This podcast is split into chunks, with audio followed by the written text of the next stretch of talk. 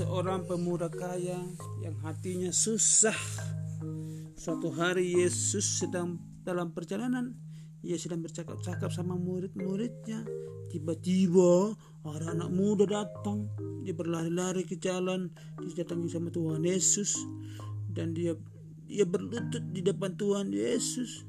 Dia seorang anak muda yang kaya, pakaiannya bagus-bagus, uangnya banyak sekali, tapi ia tidak bahagia. Pemuda itu bertanya sama Yesus, Guru yang baik, apa yang harus kulakukan agar aku masuk surga untuk hidup selama-lamanya? Yesus berkata kepadanya, Engkau tahu apa kata Allah dalam hukumnya? Jangan mencuri, jangan berbohong, kasihilah ayahmu, kasihilah ibumu. Oh iya, kata pemuda yang kaya itu, aku tahu itu dan aku selalu melakukannya. Tapi apa lagi yang harus kulakukan? Yesus mengasihi anak muda itu. Ia merasa kasihan, merasa iba kepadanya. Kata Yesus Ada satu hal yang harus engkau lakukan. Engkau harus bagi-bagikan uangmu. Berikan itu sama orang miskin Lalu datanglah sama aku Dan ikutlah aku. Tapi pemuda yang kaya itu menggelengkan kepalanya.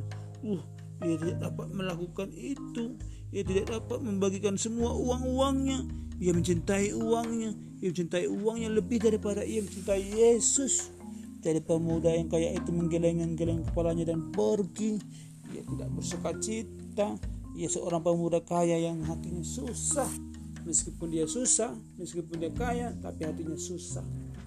Oke. Okay?